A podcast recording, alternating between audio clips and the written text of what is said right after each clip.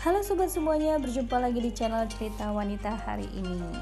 Semoga kalian selalu sehat, selalu semangat, dan selalu berpikiran positif walaupun kita masih di masa pandemi COVID-19 ya. Oh ya, saya juga mengingatkan jangan lupa selalu cuci tangan kalau kalian habis keluar dari mana-mana dan selalu menggunakan masker kalau akan keluar dari rumah atau mungkin berkomunikasi dengan orang-orang sekitar dan jangan lupa juga bawa hand sanitizer di tas kalian masing-masing. Oke? Okay? dan kali ini saya akan membawakan tema masih tentang masalah percintaan. Percintaan itu memang banyak sekali ya permasalahannya terutama untuk yang muda-mudi nih. Saya melihat banyak sekali pasangan muda-mudi yang bingung bingung mengenai pasangannya, bingung mengenai apakah akan ada kelanjutan dengan pacarnya. Saya juga punya ponakan ya yang baru beranjak dewasa dan dia juga sering curhat ke saya. Gimana sih tante kalau misalnya pacar aku tuh seperti ini, seperti itu, menuntut ini, menuntut itu gitu. Dan perlu diingat ya, kalau misalnya uh, pasangan kalian mulai menuntut menuntut sesuatu yang gak kalian suka. Itu saya sarankan jangan diteruskan. Jangan diteruskan untuk berhubungan dengan dia. Karena sekali dia menuntut dan tidak dituruti itu akan merembet ke mana-mana ya. Ingat itu kalau misalnya kalian memiliki pasangan yang seperti itu memaksa menuntut meminta apa yang tidak bisa kalian berikan kalian putuskan aja segera jangan berpikir cowok atau cewek itu cuma satu di dunia ini. Cewek cowok tuh banyak. Bumi ini itu penuh dengan manusia-manusia jomblo manusia-manusia single ya yang menanti kalian. Atau mungkin jodoh kalian juga belum lahir. Wow itu excited banget ya dapat berondong pastinya. Baik lanjut ke topik kita. Uh, saya akan membahas masalah cinta segitiga. Ini pasti menarik banget terutama untuk uh, kalian yang masih muda. Ini saya berbicara konteks muda itu usia rentan rentan usia 20 sampai 30 ya. Itu muda oke? Okay? jadi uh, kalau misalnya yang masih 17 tahun ke bawah atau 20 tahun ke bawah mohon maaf kalian belum diizinkan untuk mendengar podcast saya ini. Tapi boleh kalau misalnya kalian ingin uh, sekedar tahu bagaimana sih konflik-konflik percintaan? Apa aja sih yang harus saya lakukan kalau misalnya pasangan saya seperti ini pasangan saya seperti itu? Ya monggo silakan. Baik kita lanjut. Jadi cinta segitiga ini sebenarnya cinta yang bagaimana sih? Cinta segitiga itu e, ketika kita sudah punya pasangan tapi kita juga suka sama orang lain atau misalnya saya ini punya cowok tapi saya suka sama cowok lain. Dan cowok itu menyukai saya. Ya kan?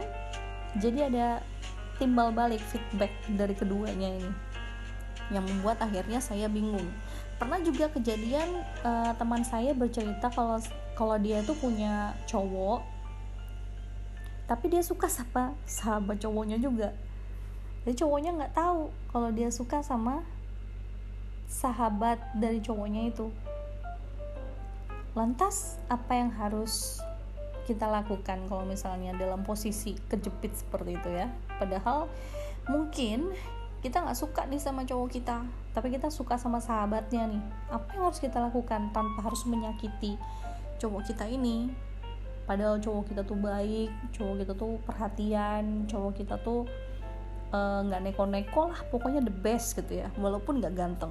Tapi yang satunya ini udah ganteng kaya baik.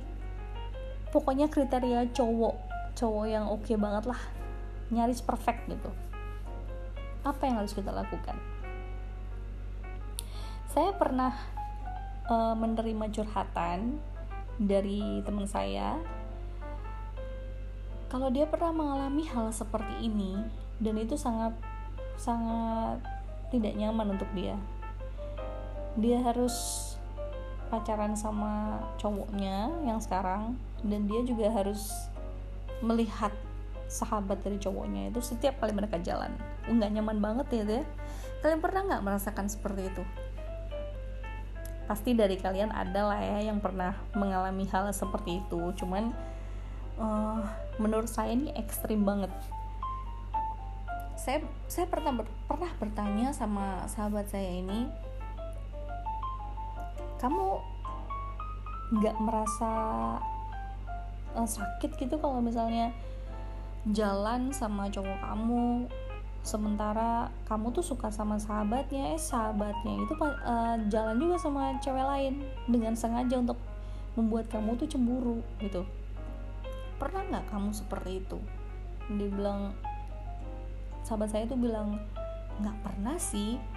Cuman ya kadang aku tuh mikir gimana sih caranya untuk bilang sama cowokku tuh kalau aku suka sama sahabatnya bukan bukan bukan suka sama dia lagi tidak seperti dulu gitu.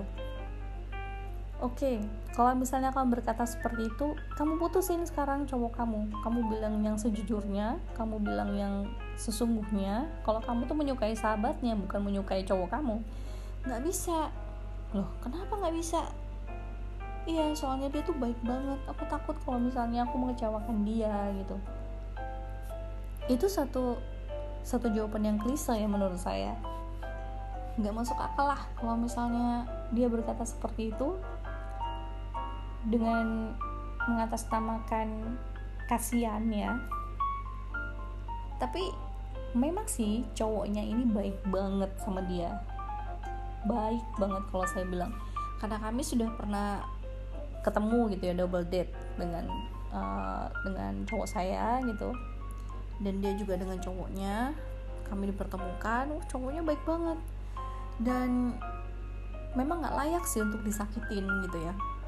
Terus apa yang akan kamu lakukan kalau misalnya someday itu ketahuan sama cowok kamu apa yang akan kamu lakukan? Ya sudah kalau memang kejadiannya seperti itu ya saya terpaksa harus berkata sejujurnya kalau saya nggak suka sama dia lagi. Gini ya sobat banyak banget kejadian seperti ini. Dan ini merugikan kalian berdua loh mungkin kalian saat saat itu jadian karena memang saling suka menyukai satu sama lain menerima satu sama lain. Bahkan mengatasnamakan cinta pada saat kalian tuh jadian. Tapi kenapa? Kenapa perasaan kalian tuh tiba-tiba cepat berubah dan berganti haluan ke orang lain? Kenapa ya? Mungkin pada saat kalian pacaran itu membosankan mungkin ya mungkin setiap malam minggu uh, bawaannya ke kencannya maksudnya. Kencannya itu ke restoran A melulu atau kegiatannya nonton drakor melulu gitu ya. Bisa aja itu membuat pasangan kalian tuh bosen. Atau mungkin kalian tuh terlalu kaku. Kaku dalam artian ya udah pacaran gitu aja nggak usah ngapa-ngapain. Maksudnya bukan bukan memberikan contoh yang nggak baik ya. Kadang kan ada tuh yang senang dipegang tangannya gitu ya di ya macam drakor lah romantis gitu dipeluk atau diapain gitu ya. Tapi bukan konteks yang porno ya ini uh, pacaran yang wajar lah. Gandengan, gandengan tangan cium pipi cium kening ya. Wajar gitu. Apa kalian tipe yang seperti itu atau mungkin kalian termasuk uh, tergolong tipe yang cuek? Nggak peduli dia mau pergi ke mana dia mau ngapain dia mau main sama siapa dia mau makan jam berapa mau pulang jam berapa. Mungkin bisa jadi seperti itu sampai muncul cinta segitiga. Jadi kalau memberikan celah untuk seseorang itu masuk ke dalam hatinya pasangan kalian sendiri. Ya. Uh, saya di sini menyadari banyak sekali persoalan seperti itu. Tapi kenapa yang seperti itu banyak banyak banget yang akhirnya menyakiti satu sama lain? Karena apa? Karena mereka itu tidak menyadari kesalahannya masing-masing ya. Bisa jadi si cewek ini pengen pengennya seperti ini loh. Tapi dia nggak mau bilang sama cowoknya. Kan kalau cewek tuh kalau ditanya kenapa sih kalau misalnya lagi marah nih ya? Kenapa sih kamu marah? Nggak apa-apa. Atau kenapa sih kamu marah? Pikir aja sendiri. Nah ini kan susah. Komunikasinya aja udah nggak bagus apalagi hubungan kalian akan menjadi lebih nggak bagus lagi. Dan akhirnya dia dapat di cowok yang lain mungkin atau di cewek yang lain yang bisa berkata yang bisa uh, mencurahkan isi hatinya dengan lebih lowong gitu ya istilahnya. Dan ini tidak terjadi dalam hubungan kalian. Jadi sobat cinta segitiga itu bisa terjadi dari banyak hal. Kalian tidak bisa menyalahkan salah satu dari kalian. Itu juga kesalahan kalian ya banyak dari teman-teman saya itu mengalami cinta segitiga pada akhirnya nggak dapat dua-duanya. Yang satunya merasa sakit hati yang satunya melihat sahabatnya disakiti sakit juga. Atau sedih juga atau merasa bersalah. Akhirnya ya kalian yang terbengkalai kalian yang nggak dapat apa-apa. Jadi solusinya itu bagaimana kalau misalnya seperti itu kalau mengalami cinta segitiga kayak gitu. Solusinya sih cuma satu ya. Kalian harus tegas pada diri kalian sendiri. Kalau misalnya kalian memang pengen terus sama cowok kalian teruskan. Kalau misalnya enggak dan kalian pengen putus putuskan. Jadi jangan jadi ngambang gitu akhirnya. Jadi kalian akan memusingkan diri kalian sendiri. Syukur-syukur kalau misalnya kalian putusin cowok kalian yang sekarang terus kalian dapat sahabat yang kalian sukai dan sahabatnya itu menyukai kalian itu lebih baik. Tapi kalau misalnya kalian udah putusin cowok kalian yang super baik ini demi sahabatnya yang ternyata ya cuman gitu-gitu aja maksudnya gitu-gitu aja tuh uh, ya ternyata memang gak tulus suka sama kalian gitu. Kan rugi kalian ya kan jadi ada baiknya kalau cinta segitiga itu ya dilewatkan gitu aja lah. Biarkan aja rasa ini terpendam. Terkecuali kalau misalnya kalian seperti yang saya bilang kalian mau berkata sejujurnya. Syukur-syukur kalau misalnya cowok yang kalian suka itu bukan bad boy ya playboy gitu. Wah kalau playboy mah parah banget. Kalian udah mutusin cowok kalian yang oke okay, yang kaya yang baik yang super duper the best lah. Demi seorang laki-laki yang gak ada apa-apanya. Jadi kalian harus mikirin betul-betul ketika kalian akan memutuskan sesuatu. Apalagi tentang percintaan. Boleh sih kalau misalnya kalian tuh uh, bermain-main juga.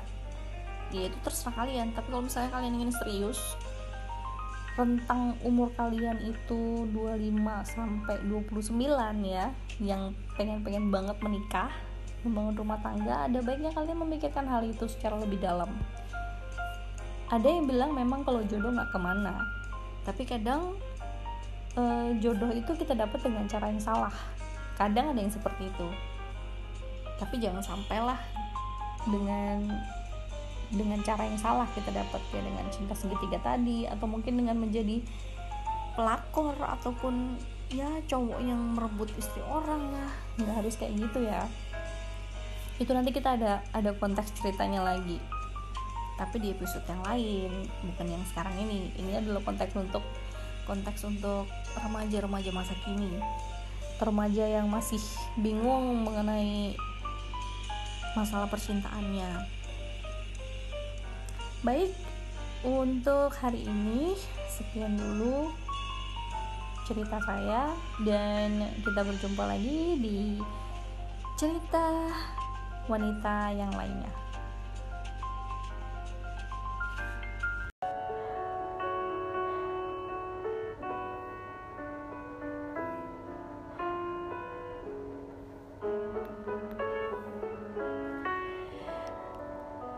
Malam semuanya. Selamat datang di channel cerita wanita. Kembali lagi bersama dengan aku ya Dengan berbagai macam cerita-cerita cinta Cerita keluarga Atau cerita-cerita yang lainnya mungkin ya. Baiklah, senang rasanya bisa kembali lagi Memberikan cerita-cerita um, yang menarik buat kalian ya. Dan kali ini aku akan memberikan cerita Ini dari pertanyaan dari sahabat aku. Jadi uh, Dia nge-WA aku ya ceritanya. Dia pengen curhat gitu tentang masalah sebenarnya ini kisah kisah lama sih. Kisah kisah cinta lamanya dia gitu ya. Jadi gini pada saat kita SMA dia pernah suka sama cowok kakak kelas kami di satu kota di di kota metropolitan jelas ya ya pokoknya kota besar lah ya bukan di ini bukan di desa atau di mana kota besar. Dan uh, di situ dia jatuh cinta sama kakak kelas kami. Cintanya itu hmm, dibilang bertepuk sebelah tangan sebenarnya nggak juga. Karena si cowok ini juga yang aku lihat dia perhatian juga sama teman aku ini sahabat aku ini. Dia perhatian banget jadi mereka tuh satu ekstrakurikuler pada saat itu. Ekstrakurikulernya itu adalah basket. Mereka berdua sama-sama suka basket. Jadi setiap kali selesai pulang latihan ekstrakurikuler mereka pulang bareng. Sampai kita memang berpikirnya dia ini pacaran ya pada saat itu. Ternyata enggak. Terkecoh. Nah cerita soal masa lalunya dia. Dia akhirnya bilang sama aku pada saat curhat kemarin aku ketemu lagi loh sama ini gitu. Ketemu lagi lo sama dia iya. Terus ya udah sekarang posisinya dia kan udah menikah nih. Terus tiba-tiba dia bilang aku tuh sebenarnya menikah sama istri aku ini karena uh, aku itu pengen biar supaya hidupku tuh tenang. Hidupku? Tenang maksudnya gimana? Iya dia bilang karena karena gua itu nggak pernah ngerespon perhatiannya dia pada saat SMA maksudnya gimana gitu. Iya intinya dia tuh suka sama gue. Hah? Terus terus terus dia gimana habis itu? Ya dia bilang gimana kalau misalnya uh, kita lanjutkan cerita kita? Maksudnya kita lanjut hubungan serius gitu. What aku langsung terkejut tuh teman aku sahabat aku bilang seperti itu. Aku langsung terkejut. Terus aku suruh dia datang ke rumah. Coba lo cerita gimana? Dia bilang seperti apa? Coba lo tunjukin wa nya ke gue. Langsunglah aku baca itu kan. Aku baca wa nya ternyata memang benar si cowok ini memang mengharapkan sesuatu yang lebih dari sahabat aku. Sahabat aku ini kan ceritanya dia jomblo. Dia beberapa kali pacaran sampai dengan umur sekian ya dia masih belum menikah gitu. Karena nggak menemukan sosok yang menurut dia itu perfect. Di mana-mana itu semua uh, dicari itu yang perfect. Mulai dari ujung rambut sampai ujung kaki itu dia harus perfect banget sesuai dengan kriteria dia. Dan kriteria itu memang ada di cowok ini dari dulu. Hobi mereka sama uh, kesukaan mereka sama dan setiap kali ngomong itu nyambung gitu. Meskipun dia lebih tua memang ya si cowoknya memang lebih tua kakak kelas pada saat itu. Tapi uh, ternyata mereka tuh dari dulu memang saling suka. Cuman nggak ngerti ya aku juga nggak ngerti nggak paham sih gimana gimana gimana nya mereka itu sampai mereka tuh nggak jadian aja sih kenapa gitu loh. Kenapa harus sampai yang akhirnya seperti ini jadinya? Jadi si cowok ini tuh seolah-olah menggampangkan hubungan terlarang seperti itu. Memang kayak udah biasa banget dia lakukan. Karena bahasa WA-nya tuh seperti ini. Aku tuh mas aku tuh sayang sama kamu dari dulu. Sampai sekarang pun aku sayang sama kamu. Gimana coba? Aku saya ya kalau sebagai cewek membaca seperti itu. Dengan kisah cinta yang SMA itu aku memang punya rasa sama dia. Pasti dong akan akan lulu lantah ya macam lagu segenap hatiku lulu lantah gitu. Sahabat aku nih dengan polosnya dia bilang e, dia tuh masih sayang terus gimana ya? Aku aku pengen sih sebenarnya uh, menjalankan hubungan ini gitu. Stop. Aku langsung bilang stop. Jangan kamu terusin hubungan itu. Itu hubungan terlarang. Lu tahu kan itu aku marahin dia habis-habisan. Aku buka pikirannya. Masalahnya gini ya kalau misalnya kita itu dalam kondisi yang jomblo atau misalnya mohon maaf dua-duanya duda atau janda it's okay. Tapi selama masih salah satunya ada hubungan itu sama dengan membawa kita dalam dosa ya kan? Mana ada agama yang memperbolehkan kita itu um, melakukan perzinahan di luar nikah ya kan? Itu sama aja dengan zina kan? Kalaupun keterusan itu pasti akan menjurusnya ke poligami lah segala macam. Siapa perempuan yang mau dimadu? Nggak ada kan? Aku suruhlah sahabat aku itu untuk coba kamu refleksikan diri kamu. Kamu pergi ke kamar ke ruangan kosong meditasi pikirin eh, apa kosongin pikiran kamu pikirin kamu di posisi istrinya si laki-laki itu. Bagaimana kalau misalnya seandainya kamu tahu suami kamu itu berselingkuh dengan sahabatnya sendiri pada saat SMA ibarat kata memang cinta tidak selesai tapi itu kan salah gitu. Bisa nggak kamu berpikir uh, layaknya wanita normal? Maksudnya yang nggak nggak apa ya bukan memikirkan ego kamu sendiri kamu memikirkan anak-anaknya kamu memikirkan istrinya kamu memikirkan diri kamu tuh wanita. Apa kabar kalau misalnya nanti suami kamu memperlakukan kamu seperti itu? Jelek-jelek kata misalnya dia bercerai dengan istrinya terus dia menikahin kamu. Otomatis dia akan melakukan hal yang sama berikutnya percaya atau enggak itu pasti akan terjadi. Langsung sahabat aku tuh langsung seketika dia kayak oh iya iya bener ya bener karena memang uh, dia ini bisa dibilang antara patah semangat sama depresi karena dia tidak menemukan sosok laki-laki yang seperti laki-laki ini. Ini kriteria dia banget memang. Tapi bagaimana uh, dia harus bisa menahan dirinya itu memang yang susah. Menahan emosinya agar dia tuh tidak egois sama perasaannya ya. Dia tidak egois maksudnya dia tidak memikirkan dirinya sendiri. Dia harus memikirkan orang lain juga. Apa dampaknya kalau dia memperlakukan uh, dia melakukan hal seperti itu? Ke suami orang dia rebut dan akhirnya nanti dia akan mendapatkan hal yang sama. Selalunya sih seperti itu. Biasanya sih memang seperti itu ya. Pastilah nggak akan Eh, nggak uh, akan yang namanya dia tuh tidak akan mengulangi pasti akan mengulangi ya kan? Korban drakor. Iya loh beneran. Karena memang sudah terbukti ya. Ada beberapa teman aku yang seperti itu kisah cintanya. Jadi dia bertemu dengan mantannya lagi. Kebetulan mantannya itu sudah punya istri ya. Sementara mereka ini masih saling kontak mengontak ternyata di belakang istrinya gitu. Nah si perempuan ini statusnya juga masih single. Jadi dia memanfaatkan kesinggelan dan kecantikannya itu yang masih di usia matang-matangnya ya usia 30 tuh matang-matangnya loh. Jadi dia mempergunakan kecantikannya itu untuk menjatuhkan lawan jenisnya. Ya kan? Dan akhirnya ketahuan lah. Si laki-laki ini bercerai akhirnya menikah dengan perempuan ini dan perempuan ini pun diperlakukan sama dengan laki-laki ini dan yang paling menyedihkannya dia jatuh ke tangan uh, bocil. Bocil. Cewek uh, daun muda ya.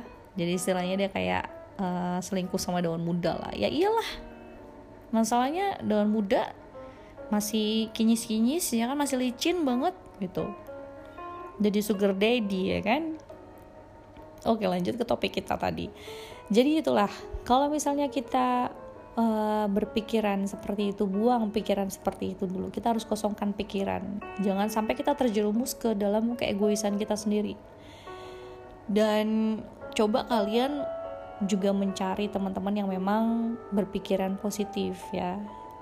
Jangan juga kalian mencari yang memang punya pengalaman yang sama sama kalian punya punya apa keinginan yang sama untuk melakukan hal itu. Atau pernah melakukan hal itu keenakan keterusan ya kan? Dengan iming-iming uh, enggak dia pasti akan mencintai kamu kok. Memang benar-benar dia jodoh kamu kok. Gini gini gini. Enggak enggak seperti itu jalannya. Beda orang itu pasti beda nasib beda jalan cerita. Nggak akan mungkin sama kalian mendengarkan ceritanya sahabat kalian teman kalian oh enak kok seperti ini. Dia pasti mencintai aku karena dia kan cinta lama aku aku kan cinta lama dia. Itu bullshit semua. Karena semua jalan cerita itu nggak pernah sama. Ingat ya jalan cerita tuh tidak akan pernah sama satu dengan yang lain. Pasti akan ada perbedaan. Cerita aku pun ini tidak akan mungkin sama dengan cerita kalian. Apa yang aku berikan nasihat-nasihat apa pun yang aku berikan itu pasti akan uh, akan menimbulkan satu uh, pro dan kontra. Ada yang setuju ada yang tidak ya kan? Karena masing-masing karakter itu pasti berbeda. Karakter aku sama karakter sahabat kalian mungkin beda nasehatnya ya kan? Tapi secara garis besar memang hal itu salah ya. Hal itu salah. Jangan sampailah kalian merusak rumah tangga orang lain hanya demi keegoisan kalian sendiri. Begitu juga begitu juga aku bilang ke sahabat aku jangan sampailah kamu merusak rumah tangga orang lain hanya demi cinta lama kamu. Masih banyak kok laki-laki di dunia ini, masih banyak berondong-berondong muda di dunia ini kan kalau mau cari berondong, ngapain kita cari yang bekas orang, ya kan? Tuh, apalagi dia tidak pernah mengungkapkan isi hatinya pas waktu SMA. Kenapa? Kalau memang dia menyukai kamu, dia pasti akan mengejar kamu dari dulu, nggak akan memilih istrinya yang sekarang, ya kan? Karena apa coba? Karena dia menginginkan kesempatan itu. Tahu kalau lo kalau lo belum menikah belum pernah menikah ya kan? Ya mumpung nih belum menikah udah dewasa pula mecer. Kita pasti akan sama-sama mengerti dong kondisinya seperti apa. Ya kan? Jangan sampai kalian menyesal di belakang. Meskipun seperti itu ber, udah berumur ya maaf, kata sudah berumur tapi kalian uh, harus tetap punya harga diri dong ya kan? Jangan sampai karena kalian dipuji seperti itu kalian sudah dewasa segala macam. Terus akhirnya kalian terlena mengikuti keinginan batin mengikuti keinginan laki-laki tersebut gitu. Akhirnya kalian menjadi pelakor intinya ya. Ya mohon maaf ya untuk teman-teman di luar sana yang memang melakukan seperti itu. Itu hak kalian bukan hak saya. Cuman ini saya bercerita uh, karena ada teman saya yang curhat. Jadi saya ingin bagi kepada kalian-kalian teman-teman di luar sana jangan sampai terjebak dengan rayuan laki-laki seperti ini. Ini udah gak bener laki-lakinya ya. Jadi aku bilang sama sahabat aku udah tutup pikiran kamu tentang dia buang dan blok nomornya dia. Jangan lagi-lagi kamu hubungin dia. Itu udah gak bener. Kenapa dia harus milih istrinya bukan kamu? Kenapa baru sekarang dia hubungin kamu? Kenapa gak dari dulu-dulu? Kenapa harus tunggu punya dua anak dulu? Baru dia nyari kamu. Bener nggak tuh kayak gitu? Terus sahabat aku dengan dengan apa kalau saya bilang oh iya sih iya bener juga sih. Nggak tahu ya dia lakuin apa enggak atau masih dia perbuat dengan laki-laki itu atau tidak. Aku harap sih enggak karena uh, kalau misalnya dia memang mature dewasa gitu ya pasti dia akan mendengarkan walaupun sedikit lah. Mungkin memang ada keinginan hatinya untuk berbuat itu cuman dia pasti bisa berpikir karena dia orang smart ya gitu orang pintar. Jadi jadilah wanita yang cerdas. Jangan mau dibodohin laki-laki seperti itu. Ingat juga laki-laki laki-laki juga harus harus uh, apa ya punya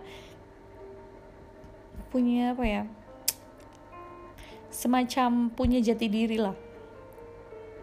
Jangan dari A ke B dari B ke C dari C ke D balik lagi ke A. Itu salah ya kan? Wanita itu hatinya itu terlalu lembut. Kadang memikirkan uh, perasaan ya. Jadi semanis apa pun omongan kalian laki-laki itu pasti akan didengarkan oleh wanita. Jadi jangan mempermainkan perasaannya. Kalau misalnya kalian memang tidak bisa mempertanggungjawabkan perasaan yang akan timbul di hati perempuan tersebut. Kalau kalian memang tidak bisa melakukan hal yang uh, diinginkan oleh perempuan itu ya udah kalian tinggalin aja. Fokus aja sama tangga kalian ya kan. Jangan ngebuat uh, yang aneh-aneh lah. Lurus-lurus aja, lempeng-lempeng aja hidup lo. karena hidup tuh kan cuma sekali kalau dipakai untuk berbuat dosa juga yang rugi kalian gitu ada memang yang mengatakan hidup ini tuh cuma sekali harus dibuat have fun segala macem silahkan monggo. Nanti kan kalian akan bertanggung jawab di sana ya. Bukan bukan kita kita juga yang akan tanggung jawab gitu. Bukan saya bukan teman saya bukan siapa tapi kalian sendiri gitu. Jadi untuk kalian-kalian mungkin yang uh, memang mengalami hal yang sama seperti sahabat aku ini pikirkan baik-baik pikirkan kembali apa yang akan terjadi jikalau kalian melakukan hal seperti itu dengan orang yang sudah berkeluarga baik perempuan maupun laki-laki. Baiklah sekian dulu cerita dari aku. Terima kasih banget kalian sudah mau mendengarkan uh, curhat-curhatan malam hari ini ya. Semoga kita bisa bertemu lagi di channel yang sama, channel cerita wanita dengan topik yang berbeda lagi. Yang jelas lebih menarik lagi. Oke, terima kasih.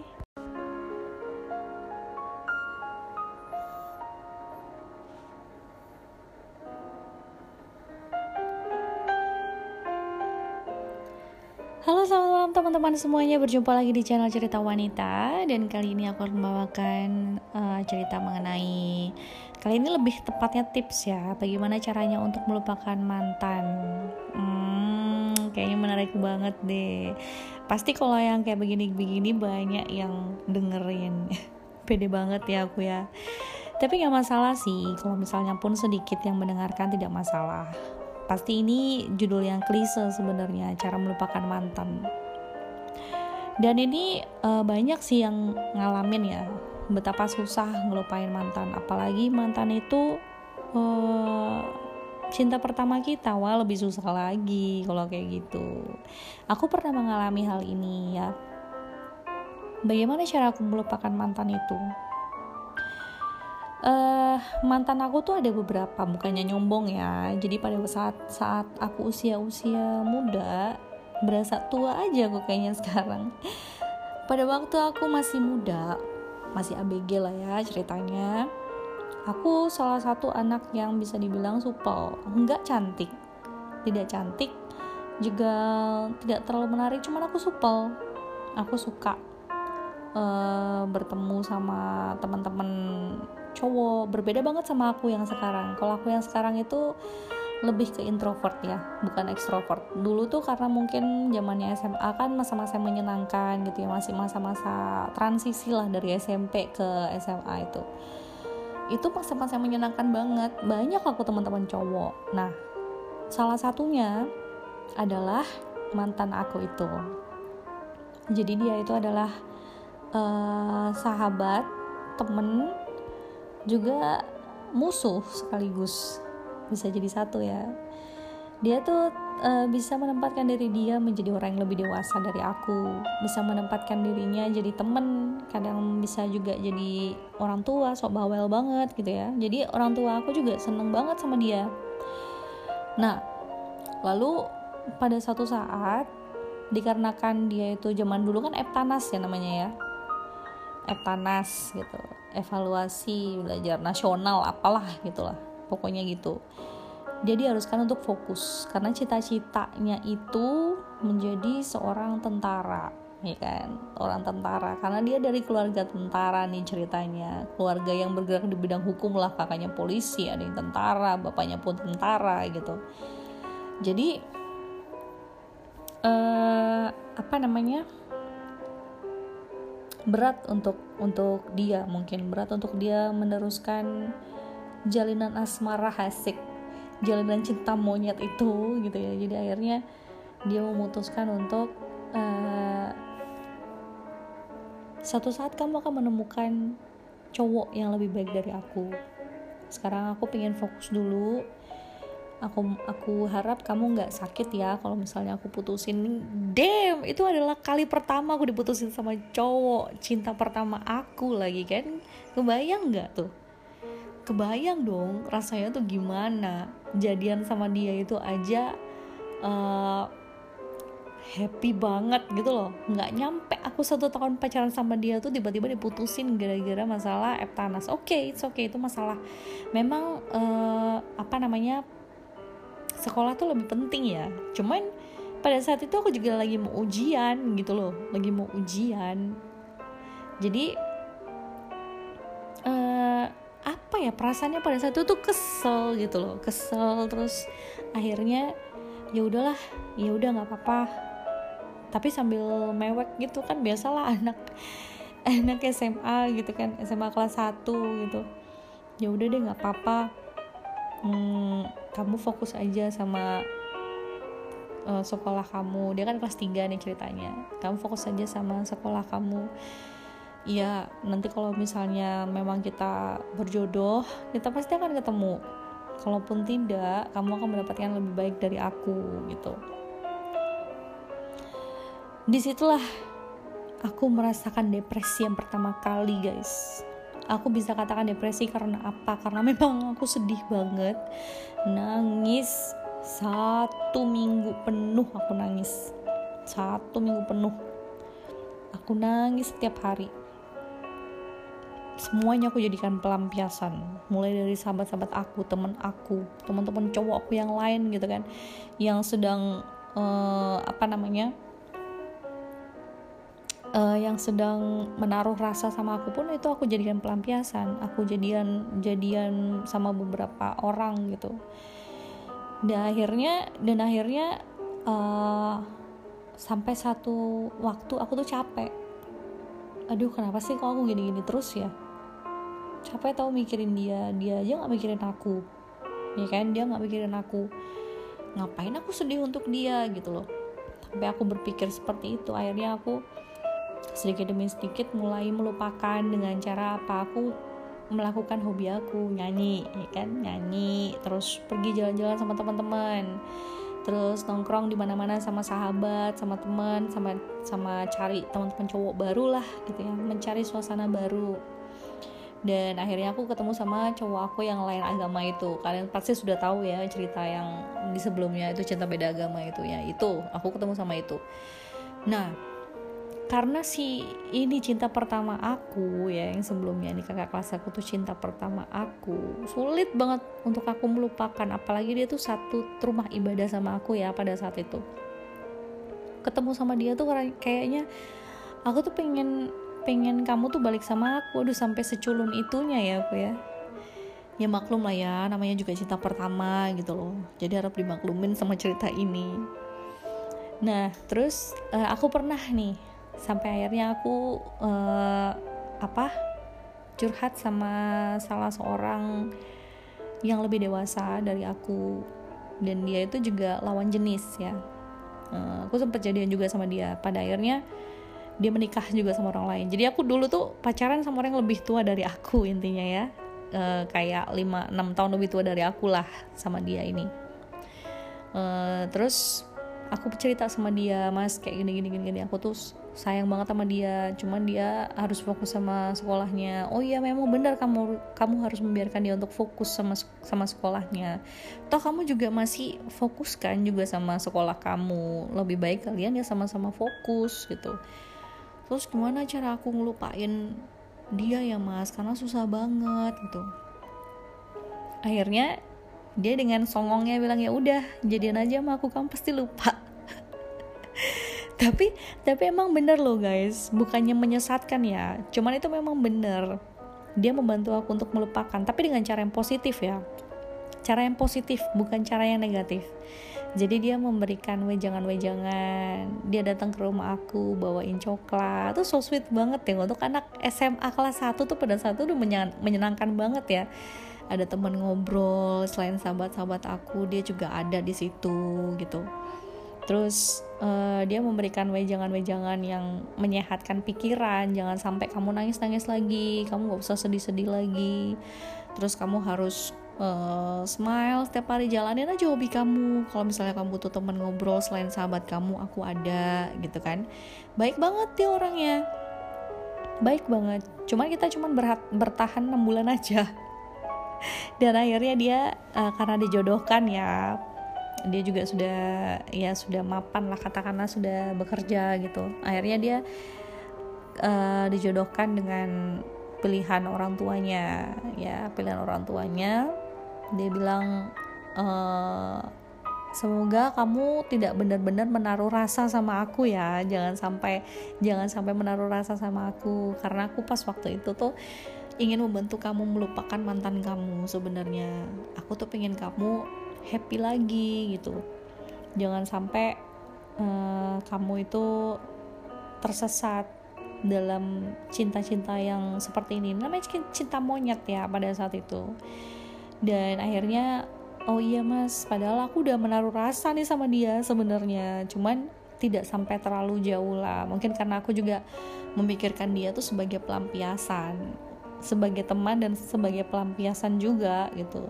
Jadi biar ada aja lah yang nemenin aku jalan gitu kan. Ada yang bisa dipamerin lagian dia juga udah kerja segala macam ya kan. Oh ya udahlah gitu. Nggak apa-apa deh mas. Ya selamat berbahagia ya gitu gitu segala macam lah nah terus cara yang berikutnya aku kan belum lupa total nih sebenarnya sama mantan aku yang pertama itu. Akhirnya aku memutuskan untuk memulai hobi baru memperbanyak uh, memperbanyak hobi-hobi baru. Mulai dari masak mulai dari nyanyi mulai dari berteman bergaul dengan uh, apa teman-teman baru gitu kan. Akhirnya aku bisa melupakan dia awalnya memang sulit apalagi cinta pertama ya itu sulit banget. Kalian yang pernah merasakan hal itu pasti merasakan hal yang sama sama yang aku alamin. Ya itu berat banget loh apalagi dia tuh baik nggak bercela. Maksudnya nggak bercela tuh nggak aneh-aneh gitu ya. Tidak aneh-aneh seperti uh, suka mengambil keuntungan enggak karena memang dia anaknya baik gitu. Sampai sekarang pun kita masih uh, berteman karena dia ini salah satu mantan yang memang baik lah gitu baik uh, dan nggak neko-neko gitu. Lain dengan mantan mantanku yang lainnya. Adalah beberapa mantan mantan yang resek brengsek banget gitu. Tapi dia salah satu mantan yang berkesan. Karena dia uh, cukup cukup dewasa dan cukup uh, baik juga orangnya. Jadi yang mau aku sampaikan untuk kalian jalanin aja. Kalau misalnya kalian memang baru putus cinta dan itu susah dilupakan memang awalnya tuh susah ya. Apalagi udah yang namanya cinta mati gitu. Waduh udah menyerahkan segala segala isi perut lah istilahnya kan. Jelek-jeleknya tuh isi perut. Maksudnya menyerahkan keperawanan kalian segala macam tuh. Itu pasti susah banget. Tapi lambat laun pasti kalian akan melupakannya. Kalau misalnya kalian mencari kesibukan yang positif berteman dengan orang-orang yang positif dan juga uh, tetap di jalur yang benar. Maksudnya nggak sampai kalian memakai apa ya narkoba atau mencoba bunuh diri kayak gitu. Jangan sampai pikirin kayak gitu. Yang pertama harus kalian lakukan itu adalah datang ke sahabat kalian atau kalian berdoa. Itu aja pilihannya. Kalau pas waktu itu aku datang ke sahabat aku ya karena pas waktu itu aku belum alim-alim banget. Jadi masih manusia biasa lah ya. Gitu biasa anak SMA kan gitu larinya ke temennya ke sahabatnya. Nah um, selalu harus ada yang menguatkan. Harus ada yang menguatkan kalian. Entah itu sahabat entah itu orang tua kalau orang tua kalian asik ya mending kalian cerita ke orang tua kalian daripada ke orang lain ya kan? Jadi orang tua kalian juga bisa memantau. Kalau dulu aku nggak cerita ke orang tua jadi aku putus cinta mengurung dalam dalam kamar kamarku kunci matiin lampu dengerin lagu.